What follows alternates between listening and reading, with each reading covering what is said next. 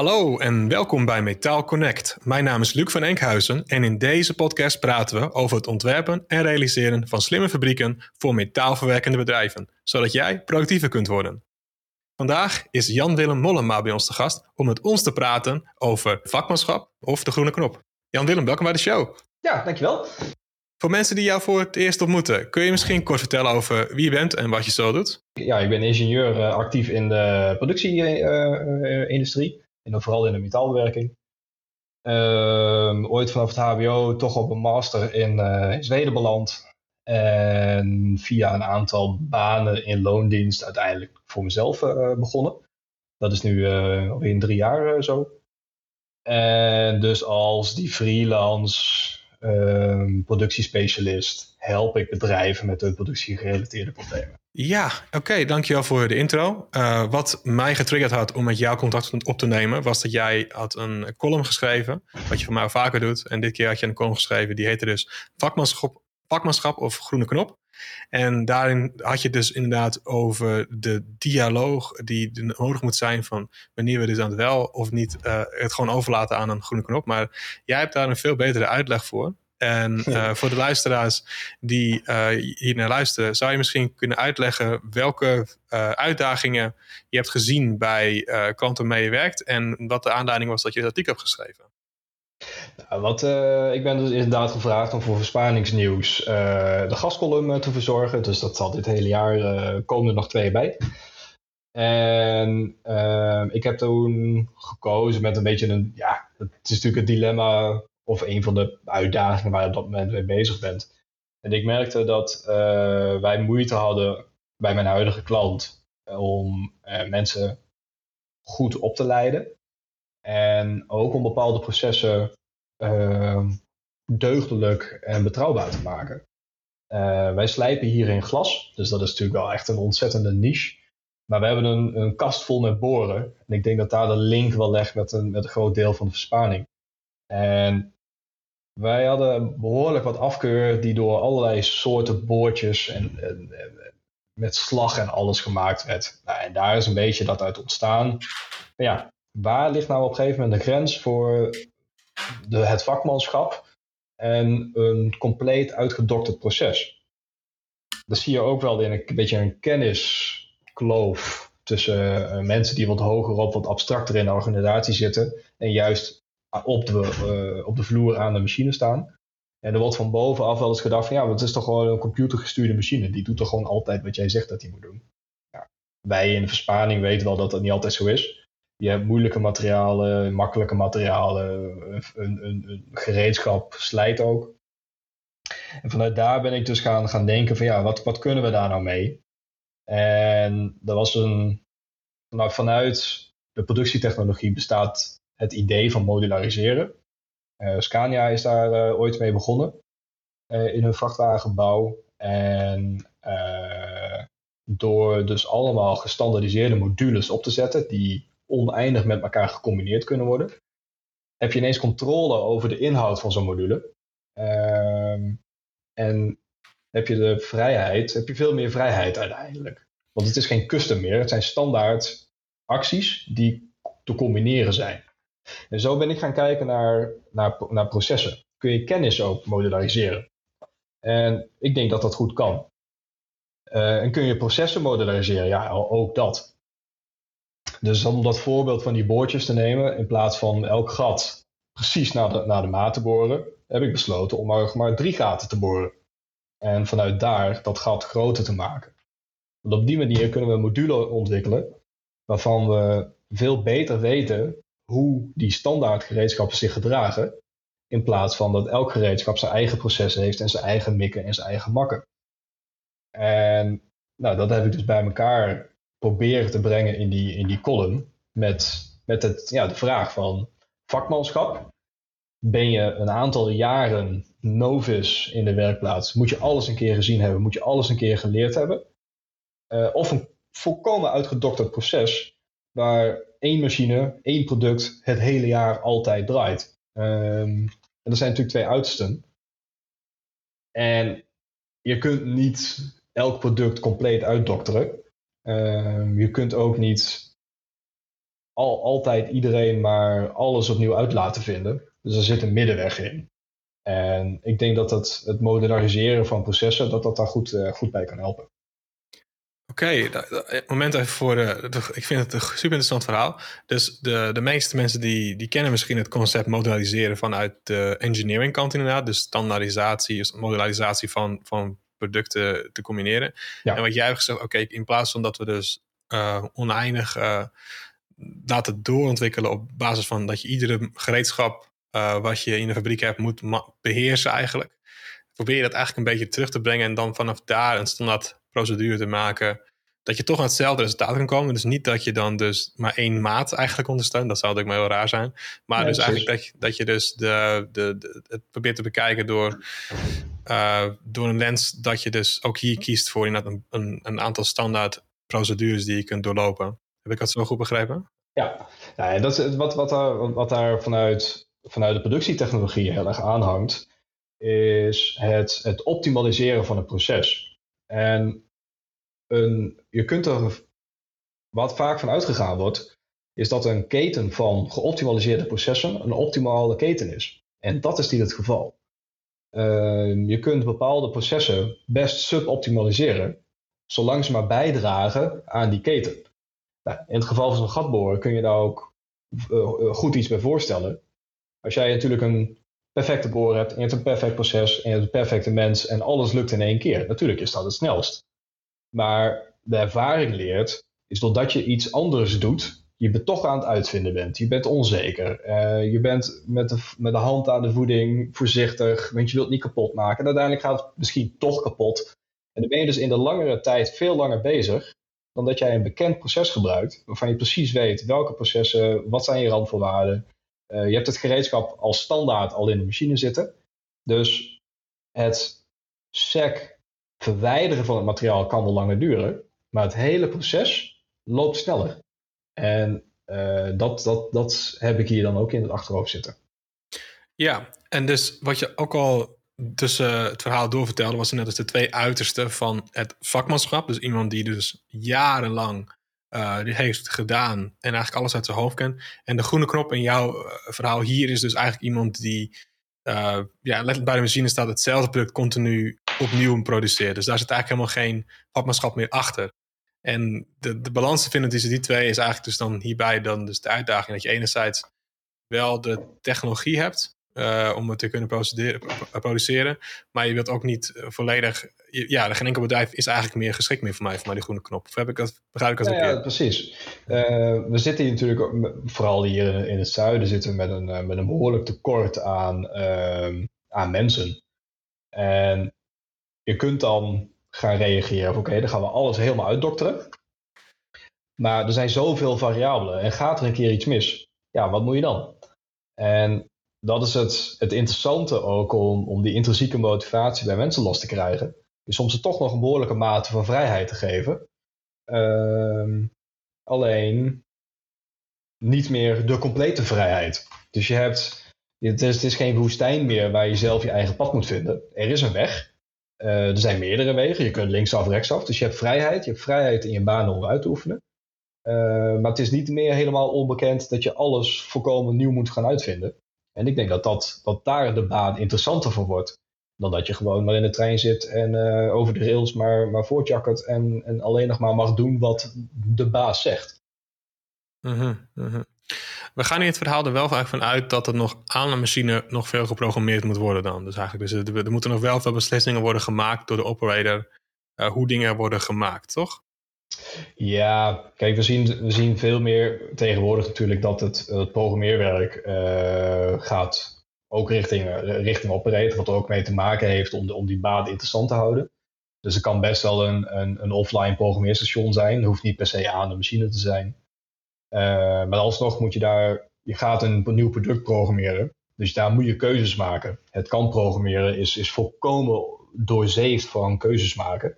En als jij dus uh, modules klaar op de plank hebt liggen om een gat te maken, om iets te vlakken, om een vierkante pocket, om een ronde pocket, dan hoef je daar niet telkens over na te denken. Uh, en dat kan dus ook gerust offline aan de programmeerstation zijn.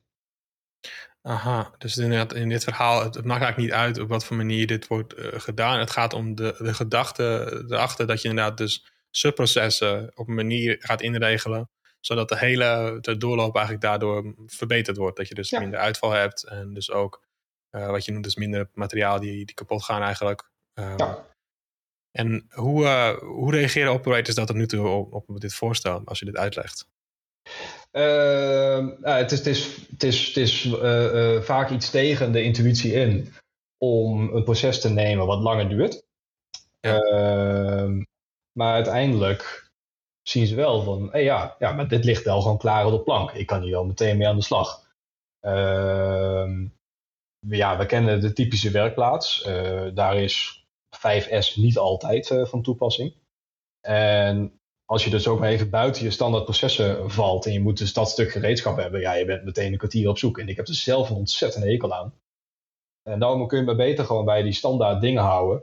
Want die liggen klaar, die kun je pakken. Die liggen gewoon klaar op de plank. Je weet wat je kunt verwachten. Ehm, dus in het begin is er wel weerstand. Maar uiteindelijk merkt men wel van, ja, dit is eigenlijk wel gewoon makkelijker. Oké, dus de, de, de, de, reactie is over het algemeen positief. Wel interessant dat je trouwens net zegt dat lokale efficiencies, eigenlijk noemen we dat even dan, dus efficiënties, uh, heel specifiek op dus hoe lang één product duurt, een paar seconden meer of minder eigenlijk, of misschien het minuten. Dat wordt eigenlijk dan uh, overschaduwd eigenlijk door de winsten die je kunt behalen op het totale doorloop. Ja. In je totale proces en ook de omsteltijden en, dat soort zaken. En uiteindelijk ook dus de, de leeftijd, want dat is natuurlijk heel belangrijk. Dat doet me denk, trouwens denken ook aan uh, Quick Response Manufacturing. Dat is een planningsmethode. Ja. Die oh, geweldig. Want dat is eigenlijk een beetje hetzelfde, maar dan op een nog meer macroniveau van organisatie natuurlijk. Want daar heb je ook hetzelfde. Je, je kiest ervoor om niet altijd het uit te halen van je efficiency natuurlijk bij de, de machine zelf. Misschien is er één machine die zelfs maar de helft van de tijd aanstaat om maar die uh, uh, fluctuaties op te vangen. Ja. En je hebt ook overdag met daar wel standaard processen gemaakt met, met, met, ja, met routings. Dus inderdaad, er zijn maar een paar routes door het bedrijf heen, die probeer je altijd te belopen. Uh, en daar ga je op optimaliseren, in plaats van dat je uh, eigenlijk alles maar gewoon improviseert. Dus dat is wel, ja, ik, zie, ik zie wel wat overlap inderdaad zo. Nou ja, QRM is fantastisch. Uh, alleen ook, ook weer relatief onbekend. Ehm, wat je ziet is dat er een heel aantal productiefilosofieën zijn uh, waar ontzettend veel interessante uh, elementen in zitten. Alleen zodra het over interpretatie gaat van zo'n filosofie, uh, dan, dan, dan wordt de draad snel kwijtgeraakt. En QRM, ja, wat mij betreft, ik heb het hier gekscherend wel eens gezegd. We gaan twee keer per dag gaan we ochtendgymnastiek houden. En dan gaan we met z'n allen doorlooptijd doen. Want dat is, dat is de belangrijkste prestatieindicator die, die er is. Niks is mhm. belangrijker dan, dan, dan doorlooptijd. Um, maar dat is ook tegelijkertijd het, het meest ondergeschoffelde kindje van, van de hele productietechnologie. Ja, mooi gezegd, inderdaad. Leuk, leuke, leuke analogie om te zeggen, we gaan uh, gymnastiek en dan doorlooptijd doen inderdaad, ja. Uh, maar dus, dat is ook iets waar je dus mee geconfronteerd wordt dan in jouw werk. Tenminste, je, jij confronteert misschien bedrijven er zelfs mee op een hele goede manier. voor ons gesprek vertelde je inderdaad dus ook dat je daar ook echt heel gefascineerd in bent hoe je dus dat gesprek aan kan knopen met, met mensen op basis van een psychologie. dus hoe je dus de, de, de eventuele veranderingen kunt ondersteunen. Ja. Uh, en dat je dus, dus de goodwill van mensen moet bereiken. Wat, uh, wat zijn daarin dingen die je hebt geleerd waarvan je wil, zou willen dat je die eerder had geweten of dat mensen die eerder hadden, hadden meegekregen van jou? Uh, ja, dat, daar, daar, daar vraag je wat. Kijk, ik ben, ik ben begonnen op het HBO, wat, wat een hele mooie start is geweest. Of ik, ik kom van het gymnasium af naar HBO gaan doen. En met die drie stages heb ik me leren bewegen in een organisatie. Uh, je, om te communiceren met de mensen op de vloer, maar ook naar boven toe. En, en, en die speelfunctie, die, uh, ja, die is wel tekenend geweest om mijn hele loopbaan. Uh, uiteindelijk, als ik nu mijn aantekeningen van een jaar of tien geleden doorlees, dan denk ik van wow, toen was ik daar best wel ver in met, met de kennis die ik toen tot me genomen had. En dat is misschien nu allemaal wel weer een beetje weggezakt. Van, van hoe werken die hersenen nou? Hoe uh, werkt management? Uh, en hoe werkt management niet? Wat is nou intrinsieke motivatie? Wat is extrinsieke motivatie? En later, toen ik dus naar de universiteit ben gegaan, uh, om alsnog mijn master te behalen, uh, ging het daar ook weer vooral om, om de harde skills. Terwijl ik misschien eigenlijk wel een, een, een minor in de psychologie erbij had willen doen. Maar wat ik nu dus merk, kijk, je bent automatisch, word je een beetje gek aangekeken als, je, als ik de vloer oploop voor het eerst. Uh, je hebt een nette broek aan, je hebt een overhemd aan. En dan, oh, daar, daar heb je weer zo eentje. En wat ik dus blij mee ben, omdat ik toch wel iets van verspanning uh, weet. Ik wil absoluut niet pretenderen dat ik dus de kennis heb van iemand die aan de machine staat. Maar kan wel zelf een machine bedienen. Uh, kan ik ze laten zien dat ik wel weet waar ik het over heb. En om er een papiertje bij te pakken, uh, in stap voor stap uit te leggen wat er nou echt op die snijkant gebeurt en waarom gebeurt wat, wat we zien, komt daar wel een stuk nou ja, respect, maar in ieder geval ja, een soort van goodwill komt daar los. Van, oh ja, wacht eens even. Het is misschien een beetje een, een rare snuiter, maar hij weet wel waar hij het over heeft. Dus als hij dan iets vraagt, nou, laten we hem niet meteen gaan tegenwerken. Uh, in, in die zin heb je dus heel erg die, die, dat goodwill spel, de goodwill uh, balans. Uh, je, stopt, ja, je vraagt iets, je krijgt iets terug, ik geef hier iets aan hun. En zo ben je bezig met dat, met dat ruilspel uh, met, met goodwill. Ja, mooi gezegd. Inderdaad, samen wil je, wil je verder natuurlijk. Dat soort mensen die, die daar in, in zo'n hal staan, die, die, zeggen, die komen vaak inderdaad ook, ja, je ziet mensen binnenlopen en je weet dan niet of het nou een verkoper is van een machine of software of dat het iemand is die echt wil helpen. Nee, en inderdaad, dus dat, dat, of het is een klant of je weet niet wie er naar binnen komt in een mooi pak. Nee, en dat je inderdaad kan duidelijk maken dat je daar bent om ze te helpen, dan, dan verandert vaak de dynamiek. Ja. Uh, wat jij hebt met verspaning, heb ik dus met plaatwerk. Uh, ik ben zelf ook helemaal uit de plaatwerkwereld uh, doorgegroeid. Ik heb ook al enige stages gelopen met uh, machinebouwbedrijven en ook wel wat versparing gedaan. Maar ja, van het een op het ander ben ik dus helemaal in de plaatwerkwereld gekomen. Dat voor mij ook altijd hetzelfde als ik dan bij een bedrijf kom. En ik, ik stap bij zo'n hal, dan, dan je gaat natuurlijk maar praten bij de machine van oh, hoe werkt je machine, hoeveel kilowatt heeft hij wel niet en uh, wat, uh, wat, wat, hoe zit het allemaal ingeregeld. Dan zie je meteen inderdaad wel dat, dat mensen heel graag geholpen willen worden. Dat ze dan heel graag ja, wel geluisterd willen worden, naar geluisterd toe willen worden. Nou ja, we, zijn natuurlijk uh, met z'n allen gewoon geïnteresseerd. En uh, we delen dat, dat hart voor de techniek. En uh, als je daarin aansluiting weet te vinden, ja, dan heb je meteen eigenlijk een gesprek wel gaande. Ehm, kijk, als je helemaal niks met techniek hebt en dan toch met, met die, met die goodwill uitwisseling aan de gang wil, ja, dan wordt het gewoon moeilijk. Maar dat is het mooie met, met, met deze industrie. Er staan natuurlijk ook gewoon mensen die lopen hier rond met een ontzettend hart voor techniek. En daar is altijd nog wel weer een restje van intrinsieke motivatie te vinden waar je op verder kunt. Ja, ja, interessant. Herken je dat ook wel, dat, dat sommige bedrijven ook wel wat weerstand hebben soms tegen het idee dat alles uh, offline geprogrammeerd gaat worden? Uh, dat, dat, maar dat, dat bedrijven het liefst, uh, dat, dat, mensen die een heel leven aan de machine hebben gestaan, dat handmatig te doen. Uh, dat dat uiteindelijk dan in één keer iemand voorbij komt die zegt: Oh, wacht, daar hebben we een software voor gemaakt en die gaat automatisch. Heb je daar wel eens ervaring mee dat daar mogelijk blokkades ontstaan? Dat, dat, dat, en dat is iets heel erg lastigs. Uh, en, en dat is ook weer een, een onderdeel van, van, uh, van, de, van dat stuk psychologie. Uh, men, mensen hebben hun hele leven gezorgd voor een, of een hele, maar goed, die hebben een tijd lang gezorgd voor iets. Die hebben, uh, die hebben daar gevoel bij, die hebben daar die verantwoordelijkheid voor gekregen. Ja, als je dan al aankomt lopen van, uh, ja, nee, we gaan het even zo doen. Ja, nee, de mensen kwijt. Mm dus het is, het is zaak om ze mee te krijgen. Uh, want ik ken misschien wel iets van een stukje automatisering. Alleen datgene wat ik wil automatiseren, of datgene wat ik misschien s'nachts wil laten doen, want dat is het, dat is het vaak. Het gaat, automatisering, daar hangt een hele, een hele nare bijsmaak aan. Terwijl het, het, als je ze zegt van ja, maar als we dit nou onbemand kunnen gaan produceren, dan mhm. is het ineens van, hé, hey, wacht eens. Ja, nee, natuurlijk kan dat. Want bij automatiseren, dan is er eigenlijk vaak sprake van, je stopt ruw materiaal aan de ene kant van de fabriek erin. En aan de mhm. andere kant komen klare producten eruit. En dat is, dat is zelden het geval. Mhm. Ehm, maar als je het dus met ze hebt over onbemand produceren, waar nog wel degelijk plek is voor mensen uh, die een proces gaan bijsturen, dan is daar best wel ruimte voor. En dan ga je ze meenemen om van machine-operator naar processoroperator om te vormen. En dat is een hele mooie overstap waar de meeste mensen wel voor uh, geïnteresseerd zijn.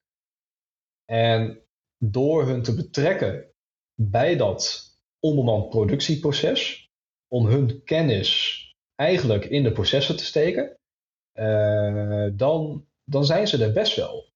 En als je dan geluk hebt, dan kom je s ochtends op het werk, er zit er een op je stoel en die zegt: Ik kon vandaag niet slapen. En ik heb nou dit bedacht. ja. en, en, dan heb je ze. Heerlijk. Ja, dan heb je ze.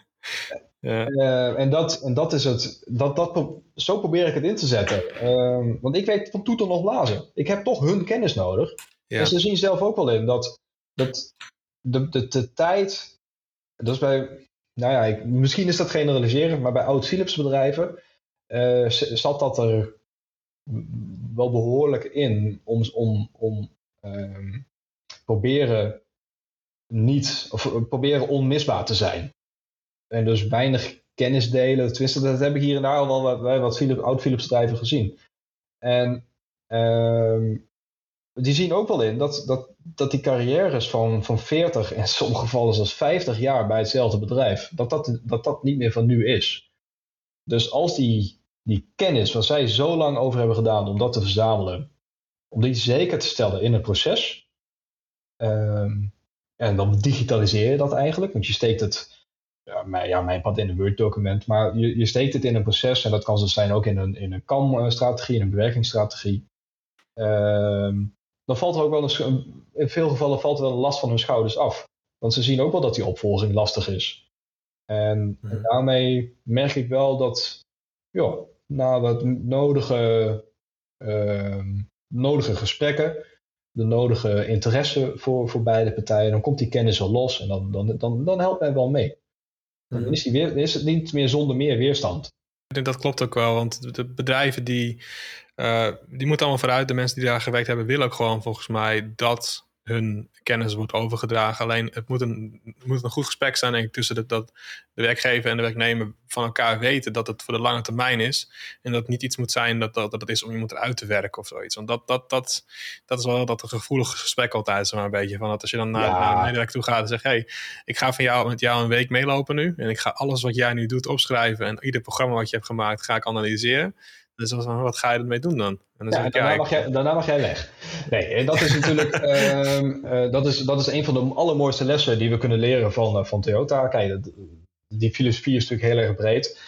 Alleen het, het allerbelangrijkste wat we eigenlijk moeten leren van, van Toyota, dat laat, vergeet alles van lean, maar onthoud als je mensen niet meer nodig hebt in die productiehal, gebruik ze als ambassadeurs voor de volgende. Schop ze er niet uit. Die kennis krijg je nooit terug. Uh, want over een half jaar heb je ze nodig, omdat dan de, de, de, weer meer aanvragen van productjes of zo zijn. En dan haal je weer nieuwe mensen van de vloer af en die begin je weer overnieuw.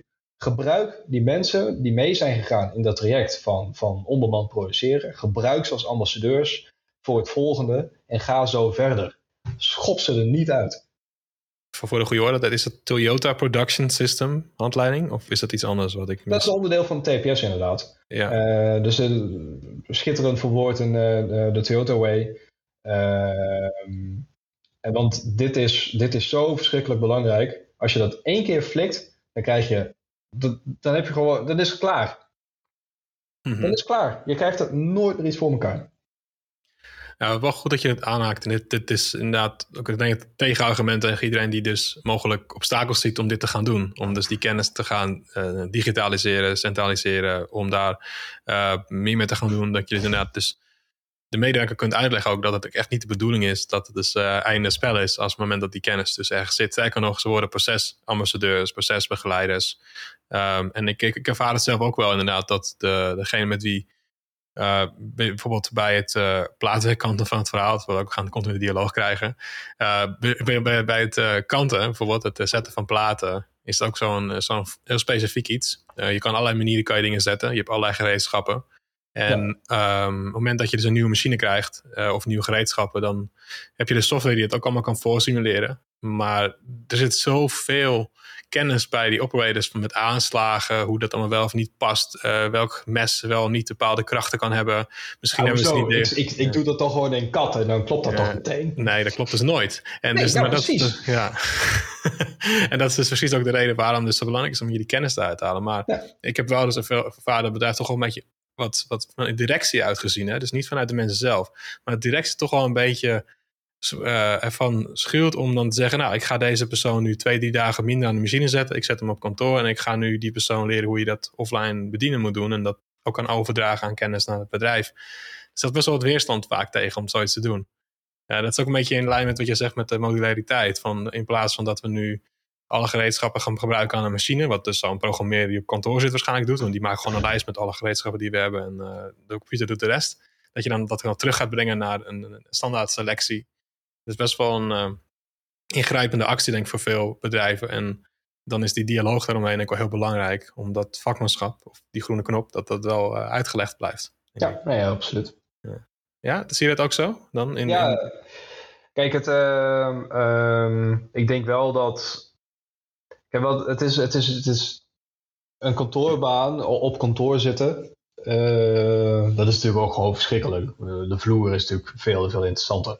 Maar uh, wat, je daar, wat je daar wel ziet, is, is, is wil je met iets nieuws aan de gang, er moet wel een, ja, er moet wel een platform zijn. Uh, er is vaak een, een, een angst voor het onbekende.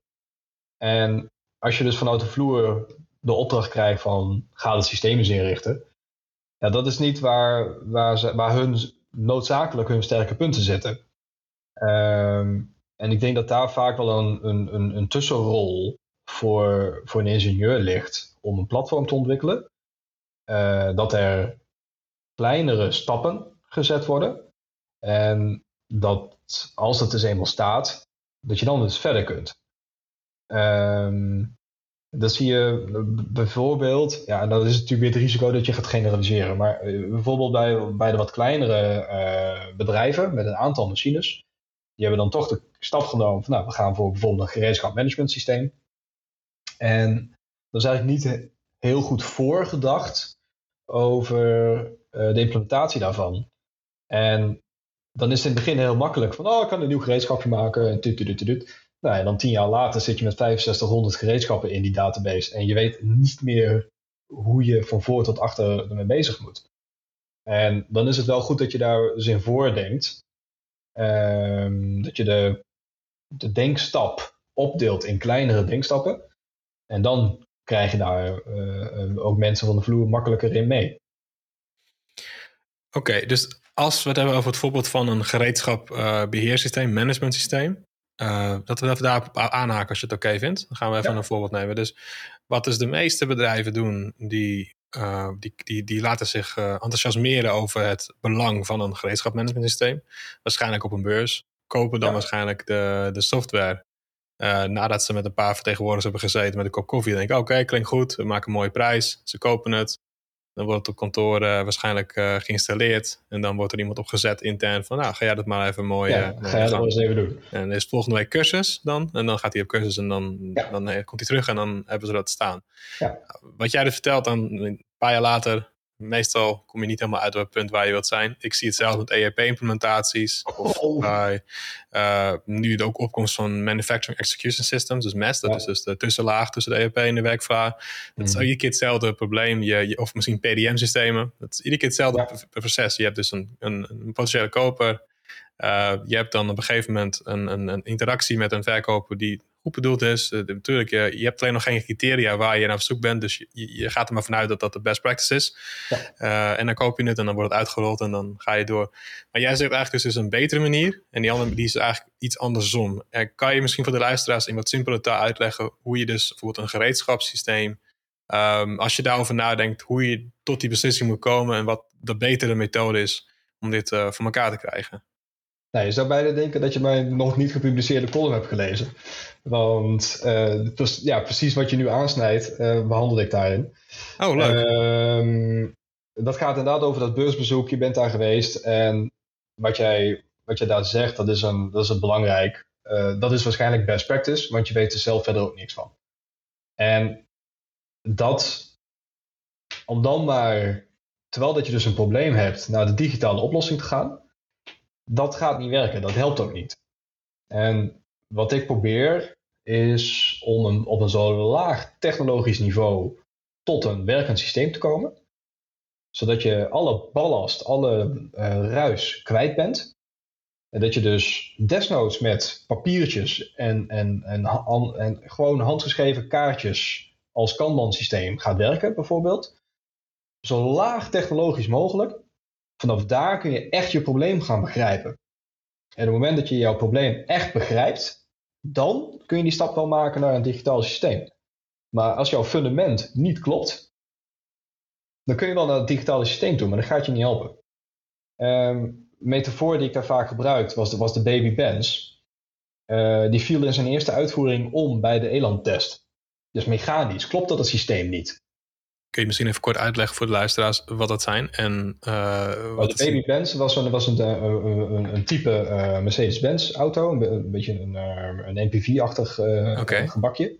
Ja. De eland-test is dat je recht op een obstakel af, afrijdt en dan ineens een uitwijking maakt. En die auto mhm. viel daar om. Oké, ja. Dus mechanisch klopt die auto niet. Want als je een mhm. mechanisch kloppende auto hebt, die valt niet om. En dat hebben ze opgelost door er een digitaal sausje overheen te smeren. Dat in dat specifieke geval, in dit zus, in dat zo, dan moet het zo en zo ingrijpen. En dan val ik niet om bij de elandtest. Ja, dat is wat wij om de havenklap zien in productie.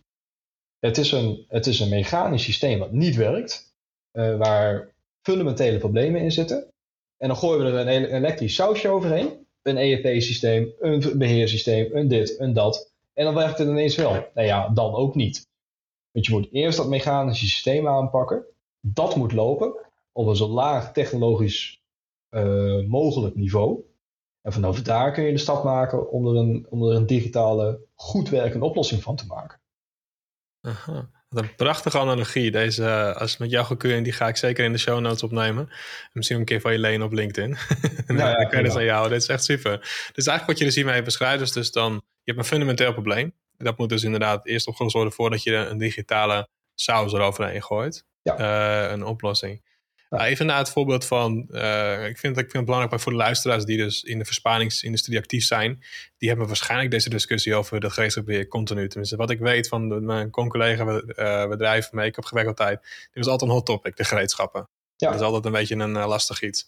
Uh, maar stel je voor dat dus uh, bedrijven overwegen om bijvoorbeeld, dus wat we nu over hebben, over een gereedschapbeheersysteem aan de gang te gaan. wat is dan de gedachteproces wat, wat ze doorgaan en zouden moeten doorlopen om tot een goed resultaat te komen? En misschien mag je ook vertellen hoe jij ze dan daarbij helpt om dat te bereiken. Even voor de, om het verhaal compleet te maken. Ja, um, ik denk als uitgangspunt moet je hebben om zo min mogelijk gereedschappen te hebben. Zo min mogelijk gereedschappen te definiëren. Ehm, en dan gaat het om de combinatie van, van de houder, uh, het tussenstuk en het gereedschap zelf. Van die combinatie wil je zo min mogelijk hebben.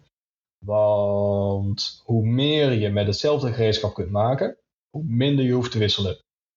En we hebben, we hebben geen oneindig eh, grote magazijnen in onze machines. Uh, dus het is altijd behelpen. Ook al heb je er een hele ketting aan hangen, dat wisselen duurt ook lang, dus het is behelpen. Behoud die aantal combinaties zo laag mogelijk. En als dat betekent dat je bijvoorbeeld met uitsteeklengtes van 30, 40, 50 mm gaat werken, prima. Als dat betekent dat je dan 10, 15% langzamer moet draaien om bij net die ene uitsteeklengte niet helemaal optimaal is, dan is dat prima. Dat verlies je nooit. Dat, dat is geen verloren tijd. Met het voorbereiden, de extra handelingen, et cetera, dan ben je meer tijd kwijt. Um, dan dat je werkelijk met het versparen zelf verliest. En dat moet, dat moet je uitgangspunt zijn. Zo min mogelijk uh, variatie. Want variatie verstoort je proces nou eenmaal. En uh, wil je dus niet over een heel aantal jaren ineens op duizenden gereedschappen zitten die in één of twee producten gebruikt worden, uh, dan is het heel goed om daar van tevoren meteen over voor te denken. Hoe ga ik mijn gereedschappen modulariseren? Welke stappen wil ik daarin hebben? Uh, en probeer zoveel mogelijk te groeperen. Uh, dat, is het, dat is het belangrijkste uitgangspunt. Groeperen en modulariseren. Mm En met deze kennis kan je dan op zoek naar een goede partij voor jouw gereedschapbeheersysteem. Nou, kijk, als, als beheersysteem dat gaat, dat gaat veel verder. Uh, wat zit er in je machine? Uh, als je dus een order opstart met, met vijf gereedschappen, van het systeem weet dat er al drie in je machine zitten, kijk, dan hoef je er maar twee uh, echt in te gaan stellen. Dat zijn allemaal smaken die daar dus in meekomen, bijvoorbeeld. Ehm, maar puur in, in zo'n systeem, je moet eerst je werkplaats goed op orde hebben. Um, je moet al ideeën hebben over wat doe je met je gereedschaplengtes, wat doe je met je gereedschapradii. Wordt het automatisch doorgegeven? Kies je ervoor heel bewust om dat toch met de hand te doen? Uh, ga je alles nameten met laser in de machine? Ga je dan alleen de voorinsteller in de werkplaats gebruiken? Dat zijn zaken die moeten eerst kloppen. Want dat gaat het systeem je niet bij helpen. Het moet eerst georganiseerd zijn. Het moet georganiseerd, gestandaardiseerd zijn. En dan pas kun je gaan automatiseren. En dan pas weet je ook welke vragen je moet gaan stellen aan de verkoper van zo'n beheersysteem. Ja, dankjewel daarvoor. En dit, dit is ook volgens mij heel actueel. Uh, wat is denk je voor, voor met name dus verspanings- en metaalbedrijven momenteel hun grootste uitdaging voor de aankomende jaren om uh, competitief te blijven? Dan zeg je wat. Kijk, we beginnen natuurlijk, uh, we hebben het eigenlijk heel erg veel over industrie 4.0. Ik zou die, die focus eigenlijk er vanaf willen halen. Er zijn, er zijn grotere uitdagingen waarvan uh, waar, ik denk ik dat we meer, meer op moeten focussen. En dat heeft betrekking op die mechanische basis. Het moet in, in het fundament moet het kloppen. Um, focus op de methode en niet op het resultaat. Als je focust op die methode, dan focus je bijvoorbeeld op die doorlooptijd en niet op uh, op het resultaat. Dat een machine een grote bezetting moet hebben. Uh, en dan, dan kom je er wel. En dan komen die zwakke punten, die komen ook naar boven. En dan weet je waar je, welke processen echt invloed hebben op die doorlooptijd. En waar je dus het allerbeste je investering of, of je aanpassing kunt doen. Veel beter dan dat je de, de trends en dergelijke gaat volgen. Wat ik als, als heel groot risico zie. We zijn, we zijn heel erg afhankelijk geworden van een, een, een model van de werkelijkheid. Een model is een, is, een, is, een, is een vereenvoudiging van de werkelijkheid om hem in digitale code uit te kunnen drukken. En vaak wordt daar te veel in vereenvoudigd.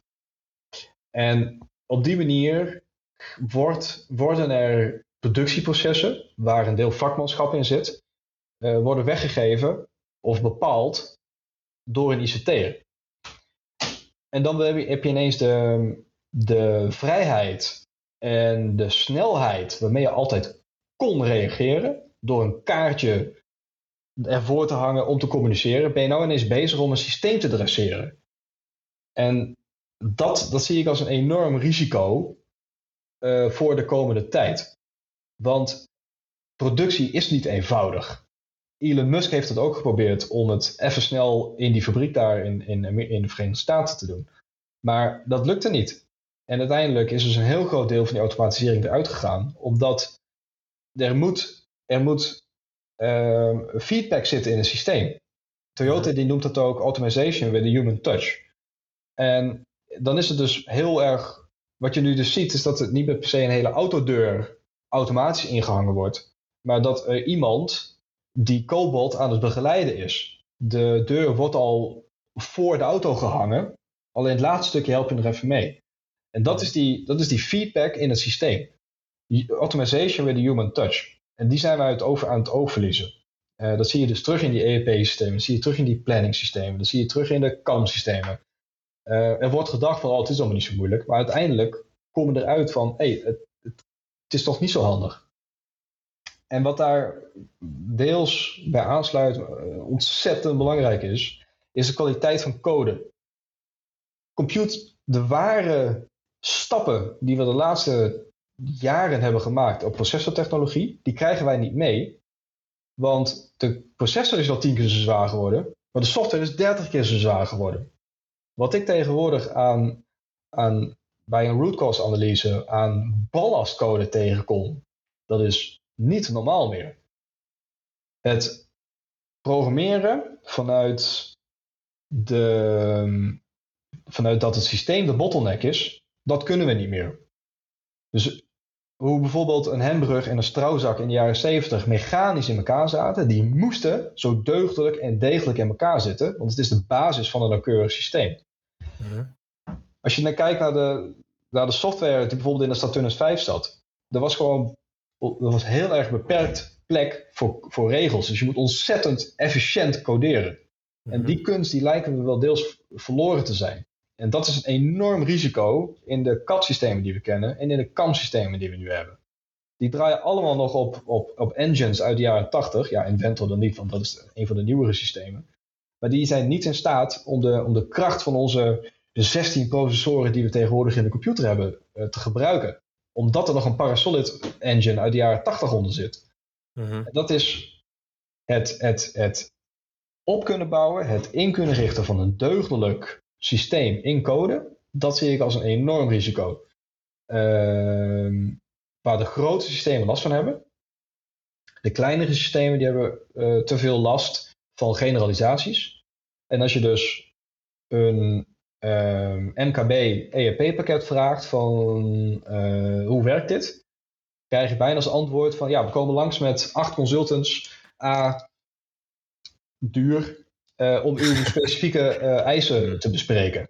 Van, mhm. Nee, ik vroeg van wat is de gedachte geweest achter deze module? Mhm. Uh, en niet om mijn klantspecifieke eis of wens te bespreken. Ja. Ja, en dan zie je dat het, dat het heeft niet de kwaliteitsstandaard die, die wij nou, bijvoorbeeld in de medische industrie in de productie daar moeten opleveren. Er, er, er, wordt maar wat gecodeerd, men weet niet precies meer hoe het in elkaar zit. En dat, ja, dat, ik zie dat echt als een groot risico. Ja, het is inderdaad zeker een uitdaging voor, voor alle partijen in de markt. Uh, zowel de, de, de, degenen die het gebruiken, dus de, de maakbedrijven, maar natuurlijk ook de leveranciers. die hebben ook uitstroom, kennis die verloren gaat. Ja. Ik heb vaak genoeg meegemaakt, ook al bij met ERP, dat bepaalde modules inderdaad ooit ontwikkeld waren door een ex-medewerker. En niemand ja. eigenlijk weet hoe het in elkaar zit. En dan heb je een customizing vraagstukje en dan, dat lapt dan helemaal in de soep. Ja. Ehm, toch ben ik wel hoopvol. En ik denk dat jij ook al hoopvol bent. Maar even nu om ik vraag je een uitdaging. Je noemt het ook heel duidelijk. Uh, ik, je noemde bijvoorbeeld met, uh, met CAD-programma's. Ik heb recent ook wel een goede ervaring gehad met uh, in de in de cloud uh, pakketten Die dus echt helemaal cloud native zijn voor de duidelijkheid. Dus niet, ik heb het niet over het virtualiseren van een dingetje dat er een schermpje op popt en dat je eigenlijk op een computer zit, maar dan via een uh, verbinding van op afstand. Maar echt de cloud native applicaties. Daar zie ik wel hele nieuwe gave dingen gebeuren. Waar eigenlijk ook weer die efficiency wel erin moet zitten. Want ze betalen uiteindelijk gewoon voor de, de, de, de de belasting van de service. Weet je wel, je betaalt voor de, de, hoeveel die server gebruikt aan, aan, aan rekenkracht. Nou, ik, ik, had, ik zat daar vanochtend dus op de fiets en toen zat ik precies aan dat voorbeeld te denken. Ik, oh, zag, iets, ik zag iets voorbij komen. Uh, I've got 120 problems, but my cat ain't one. En dus werden 120 problemen met kat opgenoemd. En waarvan heel veel systeembeheervragen. Uh, dat er weer een update was. Uh, dat er iets mhm. was gestopt met werken. En dat is voor mij eigenlijk geen katprobleem. Voor mij is een katprobleem dat ik de ene keer wel een meet kan maken en de andere keer geen meet kan maken. Mhm. En dit, deze lijst van 120 problemen, dat ging vooral over systeembeheervragen.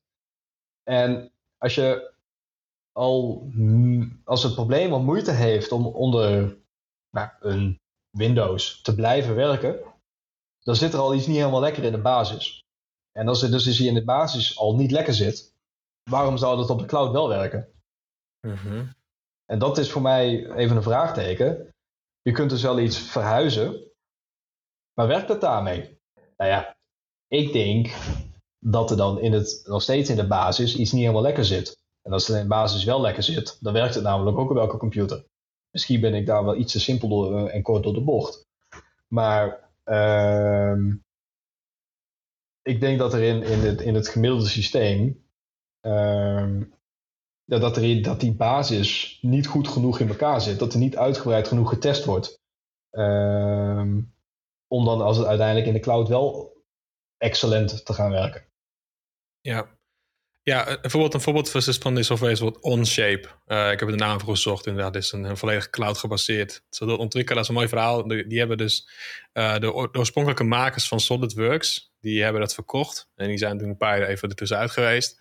En die hebben nu dus in, in de cloud een, een nieuwe versie gemaakt van hun eigenlijk SolidWorks idee, maar dan helemaal cloud-based. En dat is Onshape. En waarom vertel ik dat? Nou, dat is best wel een uh, interessant pakket, want je kan het ook gratis gebruiken als consument, gewoon voor je eigen hobby. Um, helemaal in de cloud. Gewoon je account maken en je kan meteen beginnen. Uh, en dus wat je daar dus wel ziet inderdaad, is dat je dus eigenlijk door dat soort nieuwe technologie inderdaad uh, alle systeembeheer kunt oplossen.